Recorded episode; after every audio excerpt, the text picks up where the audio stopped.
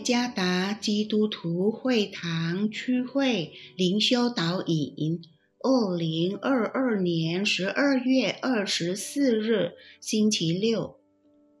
主内弟兄姐妹们平安。今天的灵修导引，我们要借着圣经启示录第五章十一到十四节来思想今天的主题：圣诞颂赞。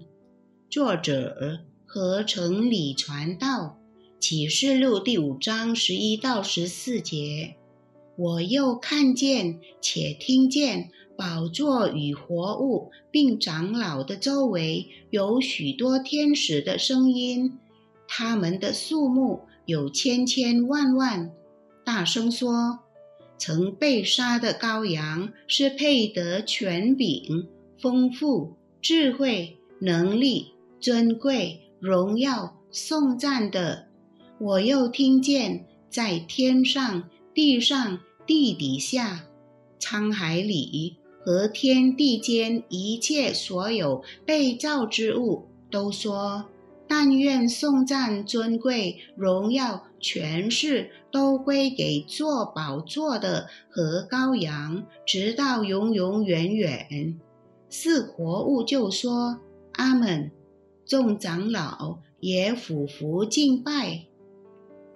路加福音第二章十四节，在至高之处，荣耀归于神；在地上，平安归于他所喜悦的人。这是一群天使，向当时在旷野看守羊群的牧羊人对神的颂赞。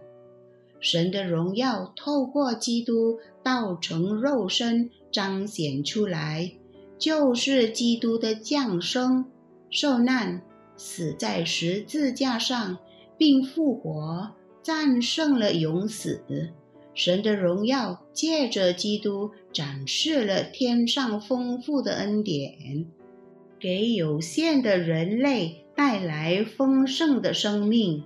神的荣耀。乃是天使圣诞颂赞的主题。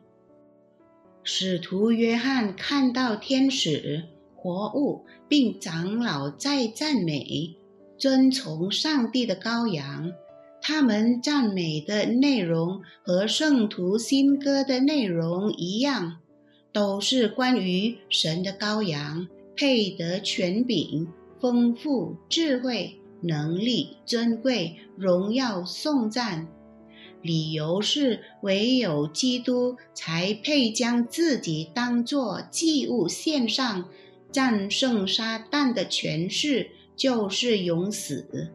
此外，使徒约翰又听见在天上、地上、沧海里一切所有被造之物都说。但愿颂赞、尊贵、荣耀、权势都归给至高者和神的羔羊，直到永永远远。所有受造物将荣耀都归于三位一体的神父、子、圣灵，独一的神。计划救恩工作的是圣父，完成救恩的是圣子基督。重生基督所救赎的子民，以便能活出神的救恩的，是圣灵。神的荣耀乃是圣徒、长老、天使和受造物的颂赞主题。在这圣诞环节里，我们所思想的是什么？神的荣耀。如果我们愿意在神面前谦卑自己，那么我们就会看见神的话语讲述他的荣耀是多么的丰富，甚至从创造的故事开始就充满了神的荣耀，直到启示录也宣扬上帝的荣耀，从开始到进入永恒。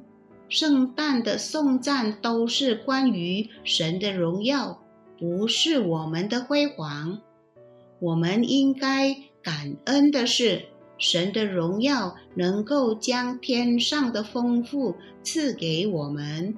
神的荣耀能让我们这群迷失的人归回他身边，永远敬拜他。让我们一起思想圣诞的意义吧。如果你生命的主题是自我辉煌，你就是在让自己被拉入毁灭之中；但是，如果你生命的主题是神的荣耀，那么你就是在享受属天生命的意义。主耶稣赐福。